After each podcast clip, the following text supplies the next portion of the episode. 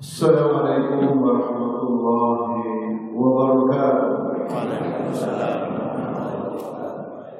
الحمد لله الذي أمرنا بالتعلم والدراسة. والصلاة والسلام على رسول الله الذي علمنا الكتاب والحكمة. وعلى آله وصحبه أهل السنة والجماعة أما بعد. فقال الله عز وجل في كتابه الكريم وإنه لذكر لك ولقومك وسوف تسألون. إخوة الإيمان صدر صدر قوس الإيمان جمس أكيده لسمو قال oleh الله سبحانه وتعالى الحمد لله kita bertemu kembali. Di salah satu rumah Allah di Baitul Buyutillah dalam rangka melaksanakan kewajiban kita bersama. Kewajiban itu bernama al-muayyashah ma'al Quran, berinteraksi dengan Al-Quran yang kali ini akan mengambil tafsir surat Al-Bayyinah jadi kita sudah kajian beberapa tahun baru sampai surat Al-Bayyinah yang dimulai dari belakang dari surat An-Nas. Ibadah mushafnya bisa dibuka supaya kita bertambah ya nikmat, bertambah khusyuk, bertambah nikmat karena tidak ada hidangan yang lebih nikmat daripada Al-Quran Al-Karim. Ibadah surat Al-Bayyinah ini akan kita kaji menggunakan pendekatan tafsir maudhu'i, tafsir tematik mengingat ya, ya, ayatnya atau surat ini agak panjang dibanding ya, surat yang sebelumnya. Ibadah surat Al-Bayyinah ini menurut ulama tafsir disebut surat Madaniyah. Surat disebut Madaniyah atau Makiyah itu ada dua pendekatan. Ada pendekatan yang makani tempat, artinya turunnya di Madinah. Kalau Makiyah turunnya di Mekah. Tapi yang kedua ini yang lebih ya, yang lebih mendalam, lebih tepat, yaitu bi'tibari zaman. Pendekatannya adalah waktu. Ya, ketika disebut surat Madaniyah berarti surat yang turunnya setelah hijrahnya Nabi Shallallahu Alaihi Wasallam. Meskipun ada sebagian riwayat yang mengatakan surat ini makiyah, tapi dilihat dari pendekatan riwayat, maka surat Madaniyah inilah yang lebih rajih, yang lebih kuat. Di antara konsiderannya adalah karena surat ini berbicara tentang ahli kitab. Kata ahli kitab yang Bapak Ibu temui di awal ayat lam yakunil ladina kafaru min ahli kitab wal musyrikin. Karena tema tentang ahli kitab pada umumnya itu ada di Madinah. Karena di Makkah ya belum ada, kalau toh ada sangat sedikit dibandingkan di Madinah. Saudara sekalian, dalam surat Al-Bayyinah ini ada empat ya, hakaik, empat hakikat, empat fakta dalam kehidupan sepanjang masa. Jadi dari dulu, sekarang sampai hari kiamat, ya, ya, ada empat hakikat yang diterangkan dalam surat Al-Bayyinah. Ada empat fakta-fakta kehidupan yang ini menjadi pedoman dalam kehidupan kita. Yang pertama, Inna bi satar Rasul sallallahu alaihi wasallam kana ضرورية لتحويل الذين كفروا min ahli kitab wal musyrikin. Artinya diutusnya Rasulullah Shallallahu Alaihi Wasallam di jagat raya ini adalah sebuah keniscayaan untuk merubah orang-orang kafir baik dari ahli kitab atau musyrikin. Karena orang kafir di dunia ini ya, ada dua. Imma dia ahli kitab dulunya sudah mempunyai kitab seperti Taurat Zabur, Injil, kemudian dia kafir, kufur ya, terhadap nikmat Allah dan tidak ada nikmat yang lebih besar daripada nikmat Islam, nikmat diutusnya Rasulullah Sallallahu Alaihi Wasallam. Yang kedua musyrikin, aslan dari awal memang musyrik sudah kafir karena tidak mempunyai kitab, tidak punya pedoman hidup. Nah, baik kafir yang ahli kitab atau musyrikin berubah menjadi orang-orang yang beriman itu harus ada rasul yang diutus oleh Allah. Ini artinya apa Bapak Ibu sekalian? Manusia dengan kemanusiaannya saja tidak akan berubah menjadi lebih baik kalau tidak ada risalah.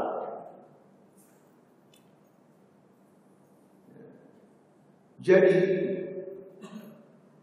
dunia ini akan menjadi baik kalau ada ashabul risalah. Orang-orang yang membawa risalah dari Allah yang mewarisi risalah atau misi yang dibawa oleh para nabi dan para rasul. Ini penting Bapak Ibu sekalian.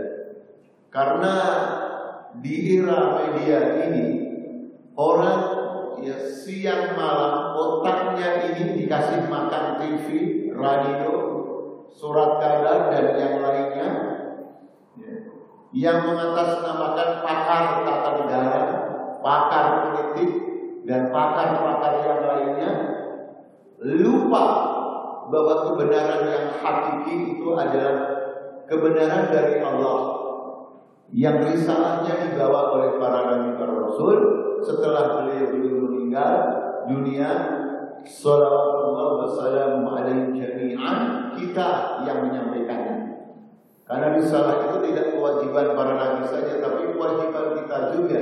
Sebagaimana diterangkan dalam surat Al-A'raf ayat 6 fala nas'alanna alladziina ursila ilaihim wa la nas'alanna mursalin fakta yang pertama itu Bapak Ibu kita jumpai dalam ya ayat 1 sampai ayat 3 lam yakunil ladzina kafaru min ahli alkitab wal musyrikin munfakkina hatta ta'tiyahumul bayyinah rasulun min Allah yatlu suhufan mutahharah fiha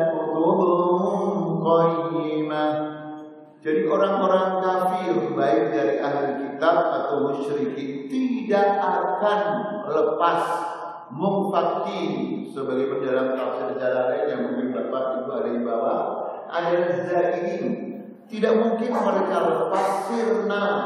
Ya, dari kekufurannya ya, sebelum hatta ya ta'tiyahumul bayinah. Sebelum datang kepada mereka ada penjelasan Siapa yang menjelaskan kebenaran itu adalah Rasulun. Rasulullah Sallallahu Alaihi Wasallam. Jadi bapak yang soleh ibu yang solehah, keberadaan bapak ibu yang soleh dan solehah dengan membawa risalah di dunia ini adalah ya, ya mempunyai misi besar Misi itu bernama tahwil atau tadbir, perubahan menuju kepada kebaikan. Makanya tidak ada nabi, tidak ada rasul ketika diutus oleh Allah kecuali misinya satu, yaitu memperbaiki. In uridu illa islah sampai menggunakan adatul hasr in dan illa.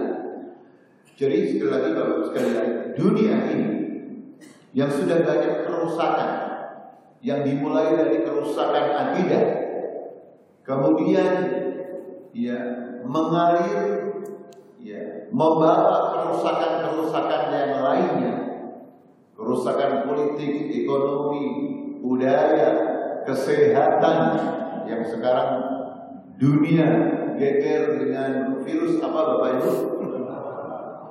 Corona. Virus virus corona atau corona. Nah, virus itu dari negara mana? Hmm? Negara mana dan yang lagi dekat dengan negara mana?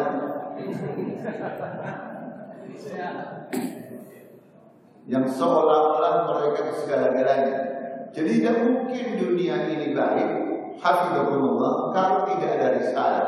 Risalah itulah yang merubah manusia dari kekufuran, dari syirik, dari kezaliman terbesar. Inna syirka Rahul yang melahirkan kezaliman-kezaliman yang lain. Kezaliman politik, kezaliman ekonomi, kezaliman kesehatan, kezaliman hubungan internasional. Jadi ini adalah fakta yang harus selalu difahami dan perbarui oleh seluruh kaum muslimin. Makanya seorang muslim tidak cukup dia menjadi muslim status satu kafir. Tapi lalu yang yakuna kullu muslimin sahibar risalah. Seorang muslim laki atau perempuan, pemimpin atau rakyat, ya ulama atau jamaah biasa, semuanya harus menjadi ashab risalah. Karena risalah itulah yang menyelamatkan dunia ini. Kemudian hakikat yang kedua, fakta yang kedua, Bapak Ibu hafizahumullah. Inna ahlal kitab lam yakhtalifu fi dinihim an syahadatin wa an hududin wa innama ikhtalafu min ba'di ma ja'ahumul ilm kalau dalam surat ini min ba'di ma ja'ahumul bayyinah jadi ahli kitab Bapak Ibu, ahli kitab berarti orang yang kosong belum nggak punya apa-apa atau sudah punya latar belakang kitab. Berarti dia orang yang tidak tahu atau orang yang berilmu. Berilmu. Jadi ahli kitab itu dalam sekali mereka tidak berselisih. Bahkan perselisihannya sampai menghadirkan peperangan di antara mereka. Tidak berselisih dalam urusan agamanya, anjadah karena kebodohan. Wa anhumudin. Tidak mereka berselisih karena samar, remeng-remeng tidak tahu apa-apa. Tetapi ya ibadah wa inna makhtalafu akan tetapi mereka berselisih min ba'di ma ja'ahumul ilm. Setelah mereka tahu kalau dalam ayat ini berbunyi hafizahullah min ba'di ma ja'ahumul bayyinah. Setelah Taurat datang, setelah Musa alaihissalam datang, setelah Injil datang, setelah Masih Al-Isa al-Masih datang, tapi justru mereka berselisih. Bapak Ibu kalau melihat buku-buku sejarah, sejarahnya Yahudi atau Nasrani yang menjadi sekian banyak Yahudi, ada Asyiyin, ya, nanti ada yang gula, ada yang macam-macam, ya, namanya. Begitu juga ya An-Nasara berpecah belah dalam hadis menjadi sekian, 70 sekian. Itu bukan karena mereka tidak tahu. Dulunya nabinya sama Musa, kitabnya sama Taurat alaihissalam. Yang Nasara nabinya sama Isa alaihissalam, kitabnya sama juga apa? Injil. Pertanyaannya, kenapa tahu tapi berselisih? Masalah apa yang menyebabkan? Yang menyebabkan adalah al-hawa wal. Hawa nafsu dan penyimpangan. Yang di antaranya adalah al-hulu. Hulu berlebihan. Berlebihan ternyata Bapak Ibu menjadikan orang bercerai-berai. Berlebihan itu ternyata menjadikan orang yang dulunya beriman menjadi musyrik. Makanya anak-anak kita jangan sampai berlebihan. Apa Bapak Ibu yang sering saya tanya? Anak-anak muda kalau mengatakan berlebihan apa? Lebih itu berbahaya. Membahayakan diri, membahayakan keluarga, membahayakan bangsa dan negara. Sering saya ulang-ulang, yang benar itu bukan lebay, tapi yang bagus labai Allahumma labai.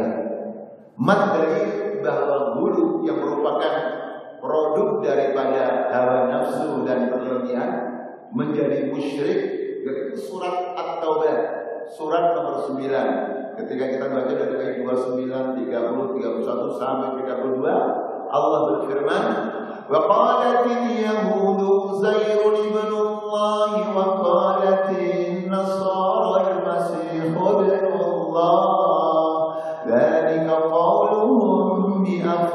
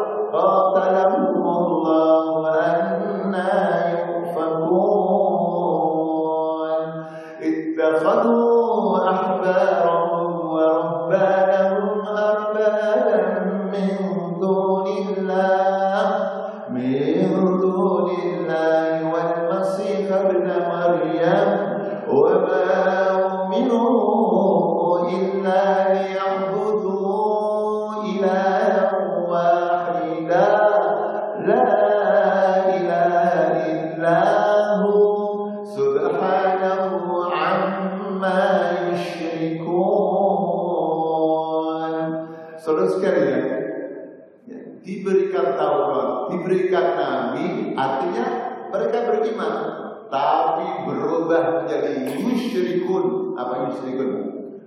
Musyrik dikarenakan apa tadi? Ghulu bukan karena tahu. Kita punya, Nabi punya. Nah sekarang saya bertanya, kalau ini terjadi di Yahudi dan Nasrani, saya bertanya Bapak Ibu, Nabinya sama, kitabnya sama, kira-kira bisa nggak terjadi kepada orang yang mengatakan atau yang mengaku Muslim? Bisa nggak? Bisa nggak? Bisa. Kenapa bisa? Karena siapa pun pemeluk agama apa pun, bangsa mana pun yang berbuat jahat, berbuat buruk, berbuat salah, walaupun mengatakan beragama Islam, tetap sama akibatnya sama. Ayat 123 surat An-Nisa yang sering kita ulang-ulang. Laisa bi amaniikum wala amani ahli kitab man ya'mal su'an yujza Tidaklah angan-angan kosong kamu wahai orang beriman dan bukan angan-angan kosong ahli kitab barang siapa berbuat kejahatan pasti dibalas oleh Allah. Saudara sekalian, kalau kita bicara umat Islam, nabinya sama, kitabnya sama, Tuhannya sama. Ada nggak di antara kaum muslimin berselisih sampai ya satu dengan yang lainnya saling mengkafirkan? Ada nggak? Kalau di zaman Utsman radhiyallahu anhu saja terjadi, walaupun ulama-ulama hampir hanya karena perbedaan kiroah. Karena di zaman Abu Bakar radhiyallahu anhu dan sebelumnya Rasulullah sallallahu alaihi wasallam Al-Qur'an itu ditulis ala ya sabati ahruf menggunakan tujuh ya ya dialek Nah, umat Islam setelah generasi sahabat tidak tahu bahwa dia semuanya datang dari Rasulullah Sallallahu Alaihi Wasallam. Hafidhullah. Akhirnya mendengar bacaan saudaranya yang dia tidak dengar menyalahkan, hampir-hampir mengkufurkan. Maka intelijen Nabi Shallallahu Alaihi Wasallam yang masih hidup, siapa bapak ibu ketua bagian ini namanya, dan zaman selanjutnya, Khudaifah radhiyallahu anhu memberikan informasi kepada Utsman radhiyallahu anhu dan akhirnya diputuskan untuk ditulis dengan satu huruf atau satu dialek. Artinya zaman di mana orang yang baik-baik masih hidup itu sudah hampir-hampir mengkafirkan saudaranya. Kira-kira di zaman sekarang mungkin terjadi Hah? Mungkin terjadi Kalau nggak mengkafirkan ya, ya mungkin mengkafirkan tidak. Tapi paling tidak nggak mau datang ke pengajiannya karena bukan gurunya yang menyampaikan. Itu ada di masjid mana? Hah? Di masjid mana ya? Kalau nggak gurunya nggak mau datang. Jadi itu bukan karena nggak tahu.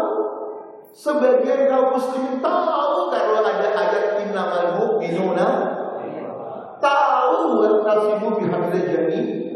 Tetapi hawa kami paling tahu kami paling yuna kami paling ahli sunnah wal jamaah.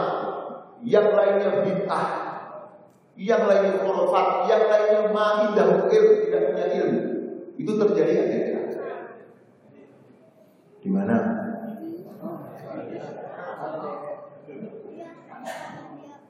Jadi kita jangan sampai seperti itu Allah. Jadi Yahudi dan Nasr ahli kita mereka berselisih bukan karena tidak tahu, tapi hawa. Makanya kita jangan sampai mengikuti hawa. Karena bahasa Al-Quran hawa nafsu itu bisa menjadi Tuhan. Aro'aita man takhada ilahahu hawa. Ini cara menafsirkan Al-Quran secara maudhu'i tema. Jadi yang berbicara Quran dan Quran. Karena tafsir Mahmud itu cekal belakangnya adalah tafsirul Quran bil Quran. Dan ulama mengatakan asal tafsir tafsir yang paling benar adalah menafsirkan Quran dengan Quran. Jadi saya kita semua ya ibadah Allah jangan sampai mengikuti ahli kita yang berselisih bukan karena tidak tahu, tapi karena apa saudara? Hawa nafsu dan infirah menyang, penyimpangan. Kalau dalam ayat ini, saudara sekalian, jadi mereka berbeda, ya, berselisih itu setelah mimbah di maja Bulgadina. Kalau surat Al Imran mengatakan apa? Mimbah di maja Amwal Wa makhtalafa alladziina utul ilma illa min ba'di ma ja'ahumul bagian bainahum. Kalau ayat lainnya hasadan min indi anfusihim hasad dengki iri. Enggak mau ada jamaah Islam yang jumlah terbanyak. Ya, yang harus dijaga adalah ormas dia, ormas yang paling besar. Enggak boleh ada ormas Islam yang lebih besar daripada ormas dia. Itu kira-kira mungkin terjadi nggak? Mungkin atau sudah? Jadi ketika seandainya ditakdirkan Bapak Ibu, jamaah Bapak, jamaah saya, jamaah Ibu nanti menjadi umat terbesar, ya, jangan sampai kita lupa peringatan Allah ini. Jangan sampai ya kalau ada kesalahan itu ditujukan pada orang lain atau jamaah lain yang pertama ditunjukkan ada diri sendiri yang berbicara dan yang mendengar. Itu di antara cara muhasabah sehingga kita tidak merasa paling benar. Jadi ingat perselisihan ahli kita bukan karena dia tidak tahu, tahu, tapi itu terjadi karena hawa nafsu, karena penyimpangan, ya, karena bagian karena hasadan. Maka ayatnya di sini Bapak Ibu sekalian adalah ayat 4 yang berbunyi ulama tafarraqal ladzina utul kitaba illa min ba'di ma ja'atuhumul bayyinah. Dan tidaklah ya ahli kitab yang diberikan Alkitab oleh Allah itu bercerai-berai kecuali setelah datang pada mereka al-bayyinah penjelasan. Makanya ya Allah, ilmu itu penting, tapi ilmu saja tidak cukup. Ini yang sering ditanyakan oleh orang awam. Ya. Beberapa bulan atau tahun yang lalu ada nggak kira-kira pertanyaan? Ustaz, aku bapak penceramah, bapak membalik, pak kiai, saya bingung. Kita ini milih yang mana? Yang sono ada ulamanya, didukung oleh ulama. Yang sana bukan sekedar didukung, ada kiainya. Kita pilih yang mana? Itu terjadi kalau pertanyaan seperti itu? Pak, terjadi nggak? Nah, itu karena tidak tahu atau karena hawa nafsu? Atau dua-duanya? Dua-duanya atau karena tidak tahu? Jadi saudara sekalian, ya, hafidhullah yang sudah-sudah, tapi ke depan hafidhullah jangan sampai kita yang diberikan oleh Allah nikmat yang besar. Allah kita satu sama Nabi akhir zaman kita satu, kitab suci kita satu, kiblatnya kita kok berselisih. Itu jangan sampai terjadi. Kalau terjadi berarti kita mengikuti siapa? Ahli kitab. Kemudian yang ketiga, inna dina fi aslihi wahid. Jadi din atau Islam atau agama pada dasarnya satu.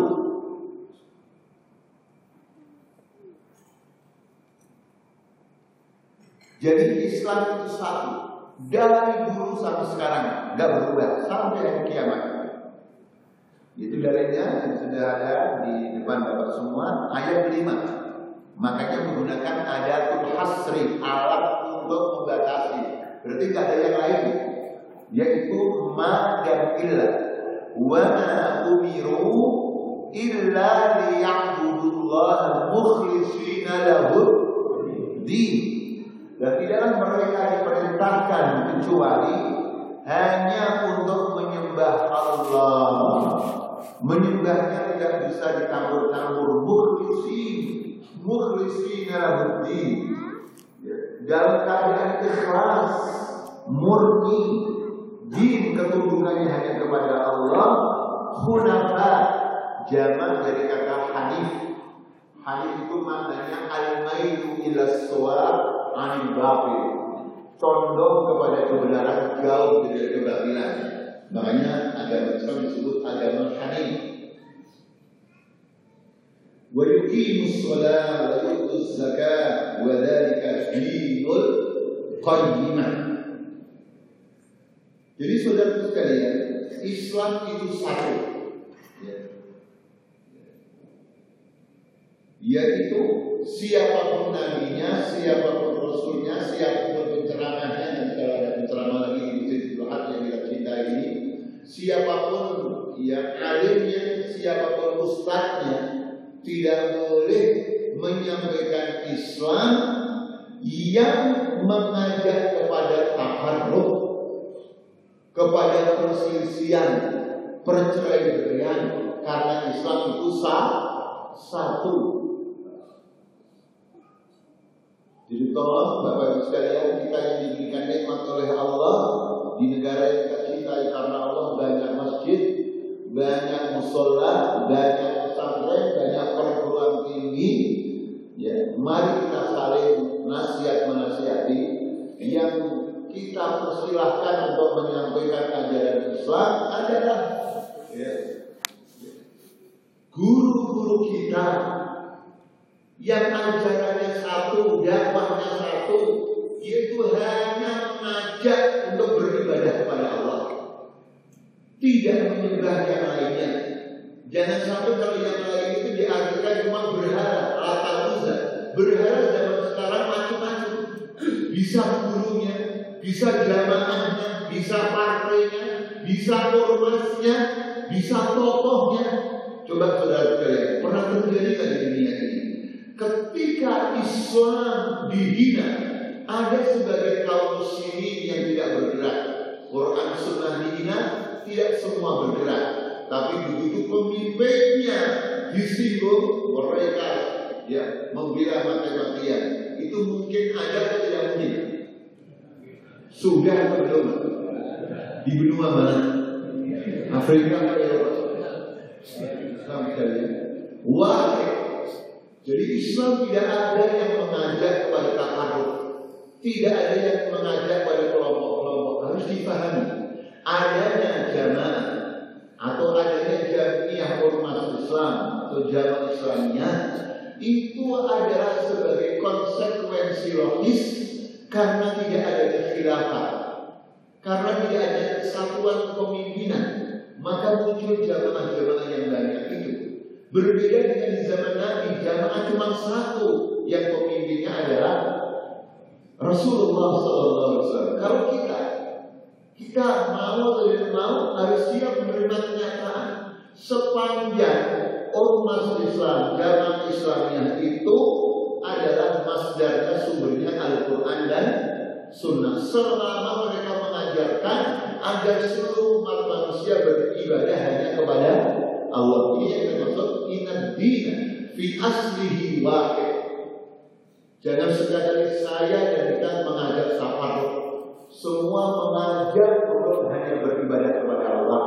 Sehingga rumah tangga kita ibadah, pengajian kita ibadah, ekonomi kita ibadah, berbangsa bernegara kita ibadah.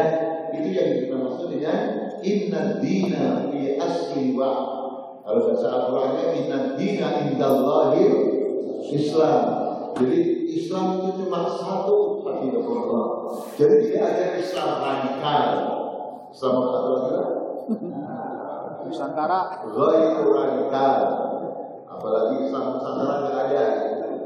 Karena yang ada cuma ya Islam itu satu ingat dina indallahir Islam. Saya seolah-olah kalau sana jadi perguruan tinggi di S2 dan S3, ya saudara, yang ada Islam itu cuma satu Islam yang rahmatan lil alamin. Wa ma arsalnaka rahmatan termasuk Indonesia adalah alamin. Jangan membikin-bikin ajaran. Tidak ada satupun ayat itu Bukan dari awal sampai akhir. Tidak akan ketemu ayat yang berbunyi wa ma arsalnaka illa rahmatan lil alamin. Jadi jangan bikin-bikin. Mungkin kita menyenangkan sebagian orang, tapi kita dimurkai oleh Allah. Namun tidak merubah kepada Allah. Kemudian yang keempat, Hafizahullah. Innal ladzina kafaru ya, ba'dama ja'atuhum bainahum syarrun karim.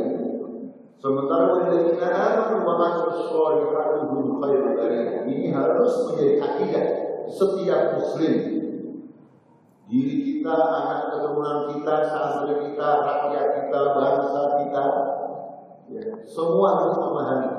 Orang beriman harus beriman, memperbarui keimanannya bahwa sesungguhnya orang-orang kafir setelah mereka mendapatkan penjelasan ya, dari Rasulullah SAW, dari Al-Quran dan Sunnah, kok tetap kafir? Itu bagaimanapun ya hebatnya, kedudukannya kayak apa pun, karyanya seperti apa pun, tenangnya kayak apa pun, menariknya kayak apa pun, mengagumkan kayak apa pun, Al-Quran mengatakan syarul bari apa syarul bari ya. seburuk-buruknya manusia. Dalam tafsir Jalalain Khaliqah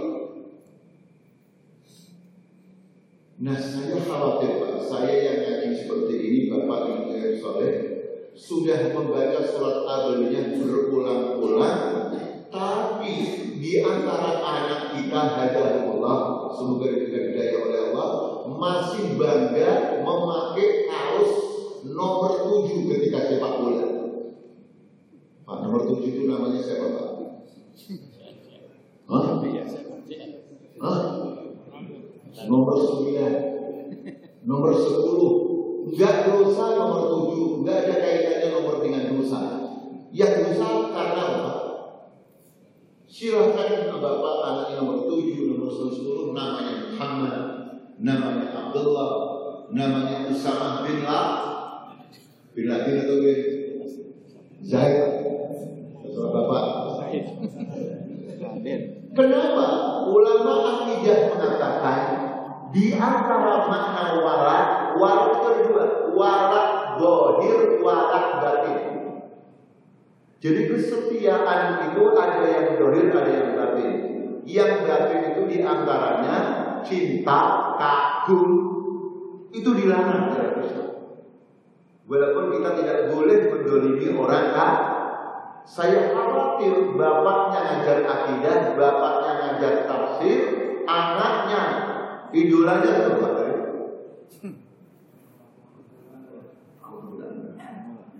Kenapa?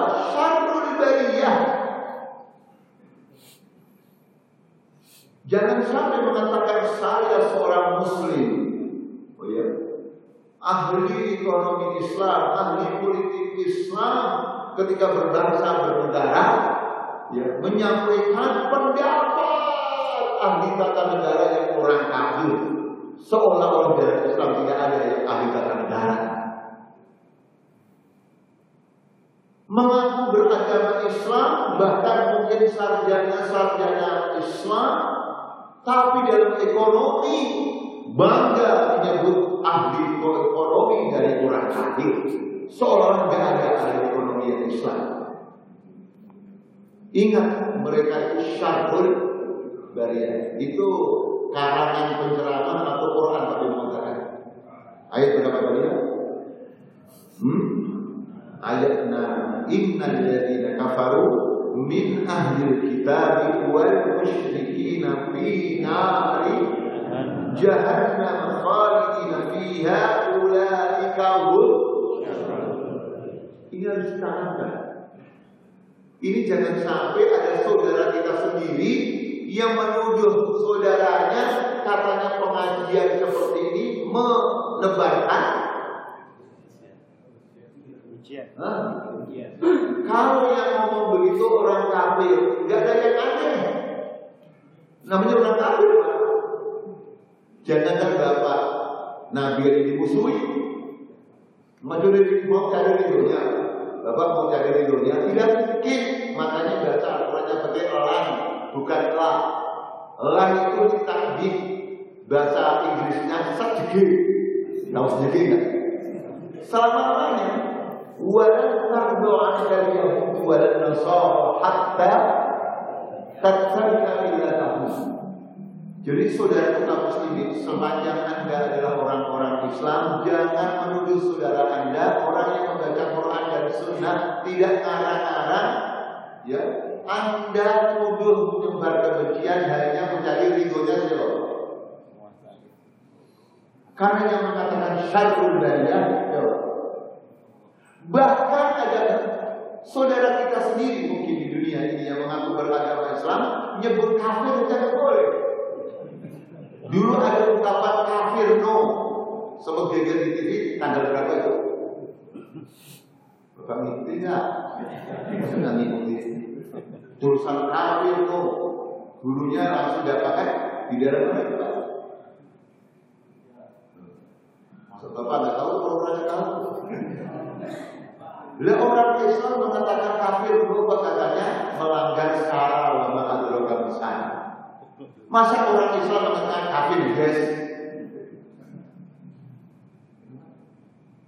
Coba bapak kalau baca Quran coba baca surat Al-Kafir bunyinya apa? La la aku itu kan la apa bunyinya? La itu dia atau no Orang di Quran berapa kali? Qul ya ayyuhal kafirun la a'buduna wala ma'abiduna ma wala ana 'abidun ma 'abadu wala antum 'abiduna ma lakum dinukum tadi no-nya berapa kali? Nah, dulu pernah kali tahu saya no-nya cuma sekali. Quran berarti melanggar syarat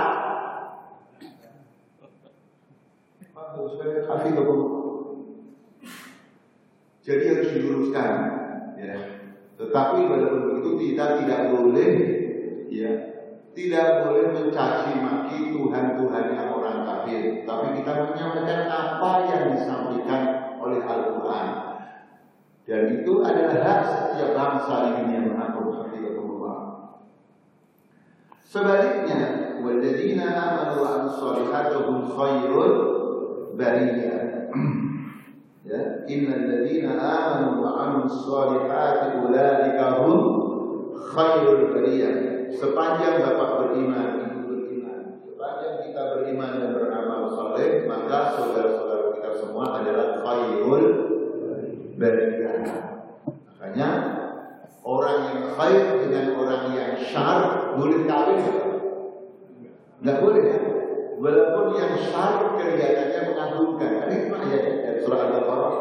Wala tukimul musyrikina hatta yu'minu karena wal 'abdul mu'minun khairun min musyrikin wa Jangan kamu kawinkan perempuan-perempuan muslimah mukminah dengan orang-orang kafir sebelum mereka beriman.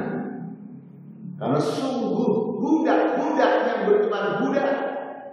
Yang juga terjaga punya, dirinya saja dan punya, Dirinya saja tidak punya, dan yang mempunyai dirinya siapa? Saya memastikan itu lebih baik kalau dia beriman daripada orang kafir. Al-Quran menyebut walau ajabakum walaupun mengagumkan kamu.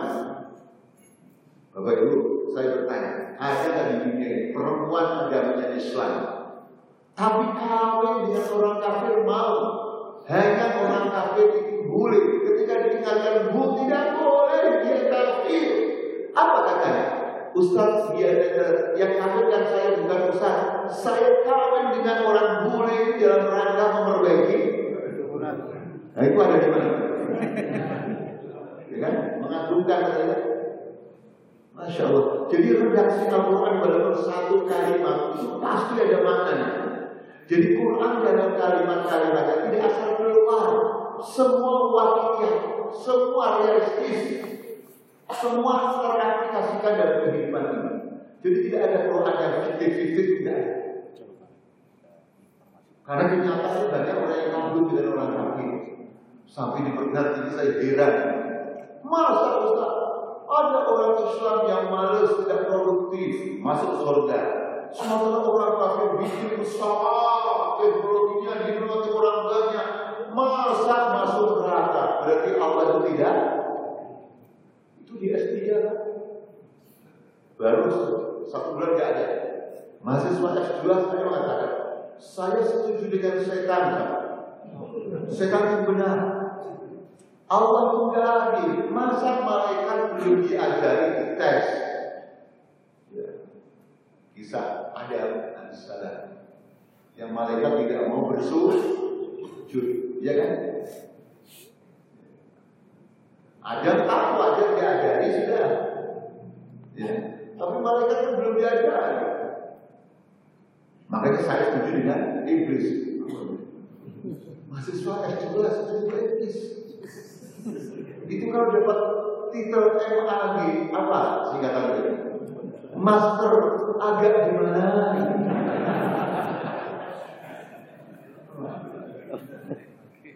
Kok bisa orang beriman? Saya setuju dengan iblis. Terakhir teman Orang yang beriman yang beramal salih mendapatkan surga dari Allah Subhanahu wa taala Allah ridho dan mereka ridho dari kalimat khasyarah. Terakhir ternyata ya ibadah nikmat terbesar di dunia dan di akhirat, khususnya di akhirat, adalah ternyata ridho Allah Subhanahu wa taala. Ini berkuat dengan ayat 72 dalam surat At-Taubah.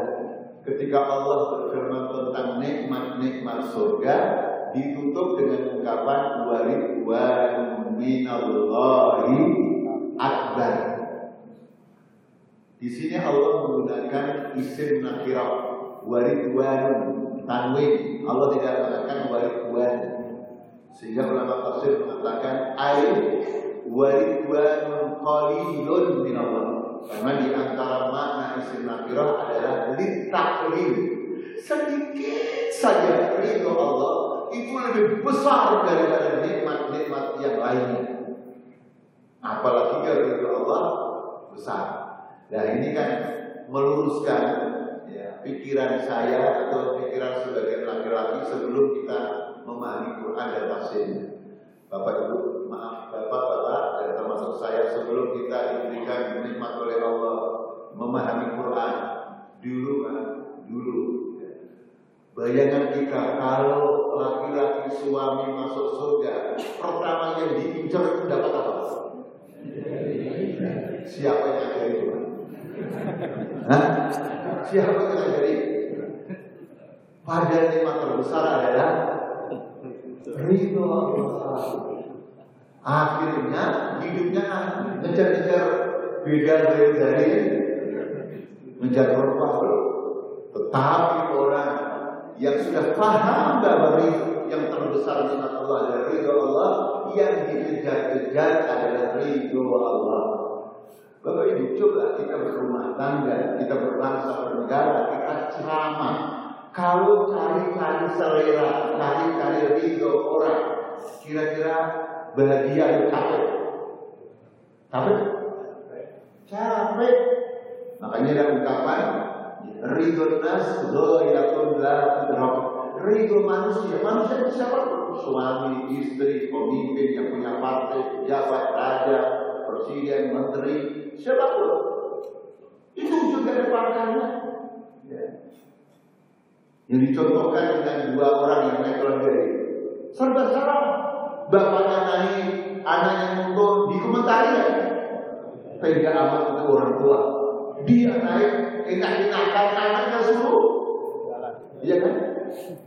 Karena nggak kuat dikritik akhirnya bapaknya tetap anaknya turun turun ganti anaknya naik coba kampung sebelah masukannya beda atau sama? Orang tua kalau anak punya kendaraan tidak dinaiki. Malah yang naik anaknya masih muda. Akhirnya kedua-duanya. Ketemu LSM luar negeri di Mentari ah Alhamdulillah. Tahunan juga karena sudah ada sebarang pesantren yang pesantren juga benar-benar ke ini berdua. Tidak beri beri beri turun kedua-duanya ditanya-tanya itu kendaraan di Mentari kan di Mentari apa Mentari jadi kita berdakwah, kita berumah tangga, berbangsa, bernegara. Yang penting diridhoi oleh Allah. Gak mungkin kita bisa menjadikan orang ridho kita semua. Mungkin suatu saat kita menjadi mubalik, ya, yang terkenal, tapi bukan salah lagi. Kalau cari ridhonya orang. Contoh di dunia luar ada mubalik sangat terkenal, sering tayang di TV, Khususnya ibu-ibu sangat senang sekali. Saking gemesnya ibu-ibu kalau barang tersebut pakai langsung cubit pipinya sendiri. Karena gak bisa cubit ustaznya karena di TV gak bisa. Saking gemes. Begitu ustaz itu kawin lagi ibu-ibu undang Hah? Gak diundang sempat beberapa lama tampil diprotes ibu. Ada nggak di dunia ini? Di benua mana ada profesional? Jadi jangan sampai hidup ini menjadi hidup manusia. Nabi sendiri ditegur oleh Allah. Nabi Sallallahu Alaihi Kan cari ridho istrinya sampai madu yang halal. Beliau haramkan agar nabinya senang, agar istrinya senang apa? Akhirnya Allah diam atau turun ayat. Bapak Ibu, Allah diam atau Allah menegur? ditegur. Ya ayuhan nabi lima tuharrimu ma ahallallah tabtaghi mardatat azwajik. Ibadah Allah, ini saja yang bisa dikatakan dari surat Al-Fatihah. Apa tadi saya lupa ya. Masih ada satu lagi saya kelamaan. Bapak Ibu sekalian, semoga kita semua diberikan pemahaman yang oleh Allah dan dimudahkan untuk mengenalkannya. Allah, aku lupa Wassalamualaikum warahmatullahi wabarakatuh.